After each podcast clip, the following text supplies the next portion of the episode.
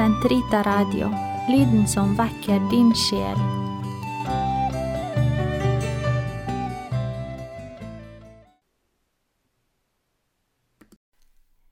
Karmels hage, episode 47 I nattens stillhet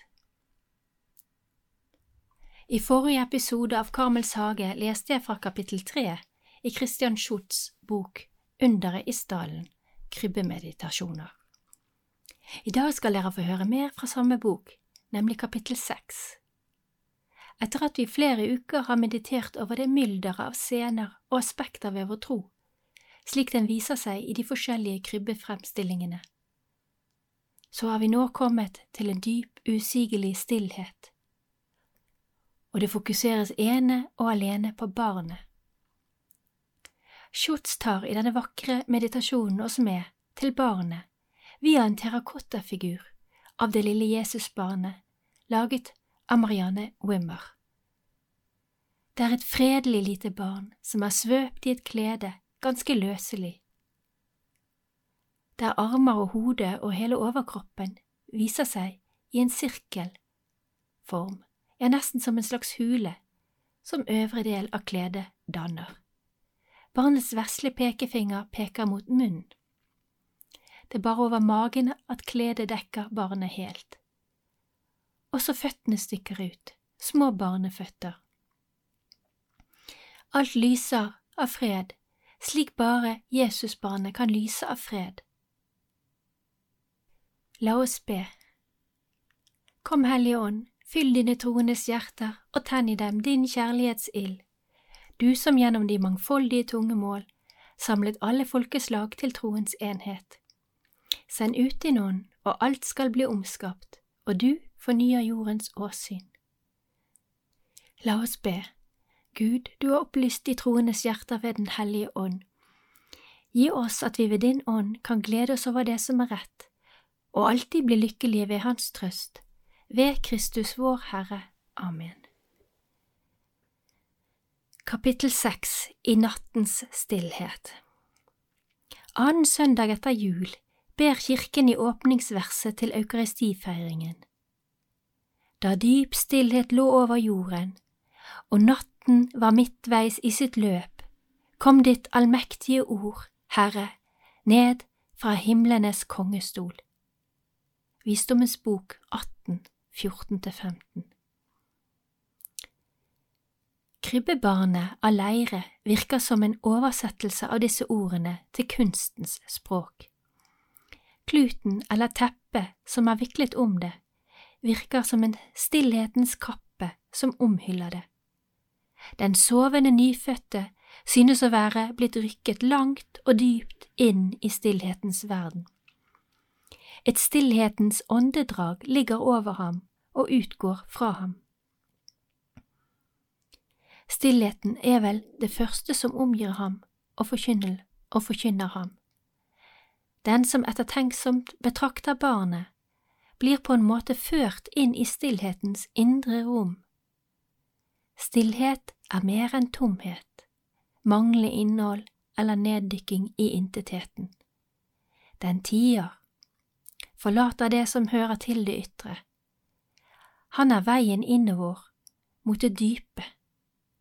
Befridd fra alt som forstyrrer ham, er han helt hos seg selv og på samme tid i stand til, uten å være forutinntatt, å gi den andre et rom i seg. En slik stillhet forbinder ham med den ikke målbare dybden i et, menneske, i en, i et menneskes person, i dets mysterium, i dets siste hvorfra og hvorhen. Noe åpner seg, og det skjer et møte. Barnet i krybben er stille til stede, og samtidig ikke til stede. Fullstendig frigitt, løslatt og avstått ligger det der i taushet. Det er helt hos Faderen, hos sin og vår Far. I ham lever det. Det tilhører ham, adlyder ham, tilbyr seg til ham som et fritt, åpent, uselvisk, tiende kar. I denne tausheten kjenner det seg helt nært knyttet til Faderens hjerte. Innholdet i en slik tett taushet kan ikke være noe annet enn Faderens og Sønnens kjærlighet til hverandre, og begges kjærlighet til verden. Denne kjærligheten er så intens at den bare kan bli ytret, gitt og mottatt i taushet. Midtpunktet eller dypet i den kjærligheten danner på samme tid det sted hvor vårt krybbebarn av leire hviler og dveler i taushet. Denne taushetens avgrunn, den stille, elskende trygghet i Faderens skjød eller hjerte, er alt annet enn stum. Den ytrer seg og gir seg selv i de få, men betegnende håndbevegelser som barnet er blitt avbildet med. Disse kommer ut fra taushetens dybde og viser tilbake til dens egentlige innhold. Munnen Det slumrende barnet viser med venstre hånds pekefinger til munnen sin. Denne tause gesten understreker sannheten og virkeligheten ved den som er Ordet. Ordet er blitt skjød i ham. Dette ordet er ikke taust. Allerede i det lille barnet, som i mange språk blir betegnet som et vesen som foreløpig er uten taleevne, taler det. Alt ved begynnelsen på hans vei blir det tydelig hvordan hele hans liv står under ordets tegn og i ordets tjeneste. Han taler ikke bare om ordet, han er ordet, selve ordet. Ordene hans kommer ut fra ordet. Det er grunnen til at de ikke er tilfeldige, utbyttbare og forgjengelige, men enestående, vesentlige, virkelige og nødvendige. Sammenhengen mellom ordet og Jesu ord avspiller seg i de virkninger hans ord oppnår. Menneskene begynner å ane ordets nærhet alt ved Jesu første opptreden. Da heter det, de var slått av undring over hans lære, for han lærte med myndighet og ikke som de skriftlærde. Markus 1, 22. Og videre, alle ble forferdet og spurte hverandre, var dette en ny lære med makt og myndighet? Markus 1, 27. Ordets nærvær kvalifiserer Jesu ord på en avgjørende måte. De er ånd og liv. Han alene har det evige livs ord, ifølge Johannes 6, 63 og 68. Hvilken motsigelse og hvilken utfordringer ligger det ikke i dette at det viktige ordet nettopp er blitt betrodd et barn? Barna har, kjenner og er dette ordet. Når vi spør hvilke ord det er, får vi til svar. Sannelig, sier jeg dere, uten at dere vender om og blir som barn, kommer dere ikke inn i himmelriket. Matteus 18,3 av Markus 10, 15. I barnet består vår værens og blivens fattigdom og rikdom som kjærlighet. Fra barnekåret faller det lys på Gud og verden, menneskene og livet. Dets ord til oss er evangeliet om fritt å kunne motta, om livet som et spill, om å undres, håpe og være saktmodig, uttrykt og fanget inn i søvnens tegn. Det slumrende barnet ligner Guds ords sennepskorn som er senket ned i verdens jordbunn. Det har en gang dødd, men oppstanden skal det strø ut sine ord sårkorn over hele verden. Den velsignende hånd. Selv om det fremdeles er helt fanget inn i søvnen, hevder barnet allerede sine rettigheter til en velsignende gest. Hva Jesus senere vil gjøre når han helbredende og velsignende drar gjennom landet, blir allerede forespeilet hos ham som barn. Sovende hever og former barnet hånden til velsignelse. Så dypt ligger bestemmelsen til å hjelpe, redde og forløse i ham. Han bringer alt, sin sendelse og sitt kall med seg. Han mottar ikke disse gavene først gjennom konfliktsituasjoner, med uryddige mennesker og under senere vanskelige omstendigheter. Det han kommer til å utvirke, leve og gjøre, er ikke et resultat av tilfeldige utviklinger og konstellasjoner.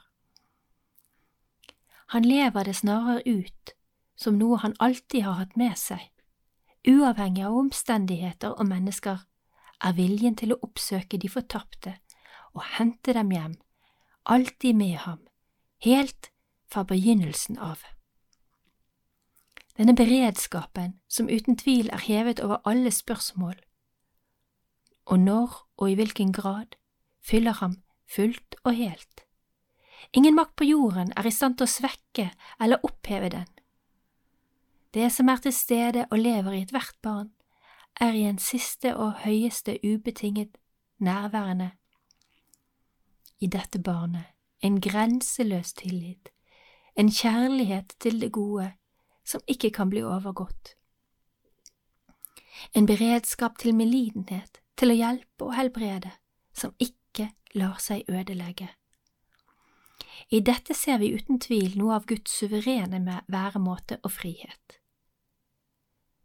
Den hånd barnet hever til velsignelse, står i et levende samsvar med den andre, som viser til munnen, kalt til å tale. Symbols tolker og forutsier denne andre hånden det ord som skal utgå fra den åpnede munnen. Det er et velsignende ord, et ord til velsignelse.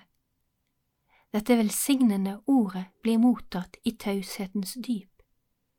Det er et stille, lavmælt ord som gir den lyttende andel i rikdommen i den indre verden som barnet i krybben lever i. Fra den er guttebarnet underveis til oss, som den kommende. Den velsignelse han lover og bringer, virker allerede på forhånd. Han skaper i mennesket et rom for mottagelighet, for åpenhet og frihet, der han kan komme inn og virke. Med den velsignende gest som forord til velsignelsen bryter barnet gjennom den dødelige spiralen av ufredens herskende ukvemsord, gjennom hatet og volden. Gud kommer ikke til oss i knyttenevens tegn, men i det tegn som barnets hånd danner når det hever seg til velsignelse. Når denne hånden vender seg mot oss, kjører den ikke over oss med ord og tegn, men hever seg svakt idet den skjenker oss et barn som stille ligger i en dyp slummer. Føttene Den oppmerksomme betrakter kan ikke unngå å se barnets små føtter og tær, de stikker frem under teppet. Det påfallende her er den egenartede stilling de inntar i forhold til hverandre. De danner en rett vinkel med hverandre, og uttrykker med det bevegelse men enda tydeligere er det at hvis vi forlenger de linjene de danner, vil det forme et kors. Slik viser de små føttene på forhånd hva dette barnets vei vil bli, en korsvei. Denne sammenhengen er på ingen måte bare hentet ut av luften. Den er et gyldig vesenstrekk for Jesus av Nasarets opptreden og virke. Det finnes uten tvil noe slikt som et føttenes språk. Jesus hadde et åpent sinn for dets budskap. Hvorfor velger han som en av sine siste og avgjørende handlinger innenfor rammen av avskjedsmåltidet nettopp fotvaskingens tegn? Dermed bringer han sitt li eget liv og virke, men også sine venners oppgave og tjeneste, inn på en bestemt linje. Forstår dere hva jeg har gjort for dere? Dere kaller meg mester og herre, og dere gjør det med rette, for jeg er det. Når jeg som herre og mest, Herren og Mesteren har vasket deres føtter, så må også dere vaske hverandres føtter. Jeg har gitt dere et forbilde, slik jeg har gjort mot dere, skal også dere gjøre. Johannes 13, 12–15 De som ber ham om noe, som faren til den månesyke gutten i Matteus 17, 14, og synagogeforstanderen i Markus 5, 22, den hedenske kvinnen i Markus 7, 25, eller Lasarus' søstre i Johannes 1, 38, faller på kne for ham. Maria, en av de to søstrene som setter seg ved Jesus' føtter, Lukas 10, 39. Synderinnen nærmer seg Jesu føtter bakfra, vasker dem med tårene sine og tørker dem med sitt hår. Så kysser hun dem og salver dem med olje. Lukas 7, 36–50 Enda en gang er det tale om Jesu føtter i påskehendelsene, der kvinnene omfavner føttene hans. Matteus 28, 9 Og den oppstandende inviterer de forskrekkede disiplene til å se på hans hender og føtter og ta på dem. Lukas 24, 39 Barnet som strekker frem sine føtter, forkynner at det er fast besluttet på å sette dem på den vei det skal bli ført langs. Føttene avgir et vitnesbyrd om hvordan denne veien er, hvilket mål den har, og ikke minst om hvordan den har vært for barnet selv. De skal bære Jesus på denne veien inn i menneskenes umiddelbare omgivelser, slik at han kommer helt nær dem i de mest utsatte situasjoner og stasjoner i tilværelsen, så nært at han kan si Jeg kommer, eller Jeg er kommet. Her faller alle forskjell, forskjeller vekk mellom ham og den vei han går. Jesus blir selv til den vei som føttene hans viser ham, inntil alle hans veier til slutt munner ut i den eneste som fremdeles er mulig, veien som fører til korset. Dette er hans vei, som bare han og ellers ingen kan gå. I den grad gjør han frivillig og bevisst denne veien til sin egen, at han selv er veien, Johannes 14, 14,6. Jesus og veien er så identiske at det heretter bare finnes én Jesus-vei. Veiens forløp er forhåndsbestemt til å gå gjennom lidelse, kors og herlighet. Etter at Jesus har gått denne veien som sin, ligger kors og lidelse ikke lenger bortenfor eller utenfor Jesusveien. Hans vei er imidlertid alt annet enn bare en privat vei. I den lyser samtidig veien til Faderen og til vår frelse opp. Den som ser på føttene til dette barnet av leire, innser at det meget godt kjenner sin vei. I dette Guds barnets viten blir vår usikkerhet, vår engstelse, vår frykt og tvil opphevet. For dette barnet kjenner veien, og er veien i egen person. Det gir oss mot til å følge etter ham på denne veien. Vi ber til Jesusbarnet. Herre Jesus, vår guddommelige frelser, av kjærlighet til oss ydmyket du deg selv og ikledte deg det vesle barnets skikkelse. Gi oss den nåde å erkjenne din uendelige visdom i ditt hellige barnekårs lønndom og fornedrelse, så vi kan elske deg lovprise deg og tilbe deg, og slik, ved din godhet, få se din uendelige herlighet, du som lever og råder med Faderen og Den hellige ånd, Gud, fra evighet til evighet. Amen.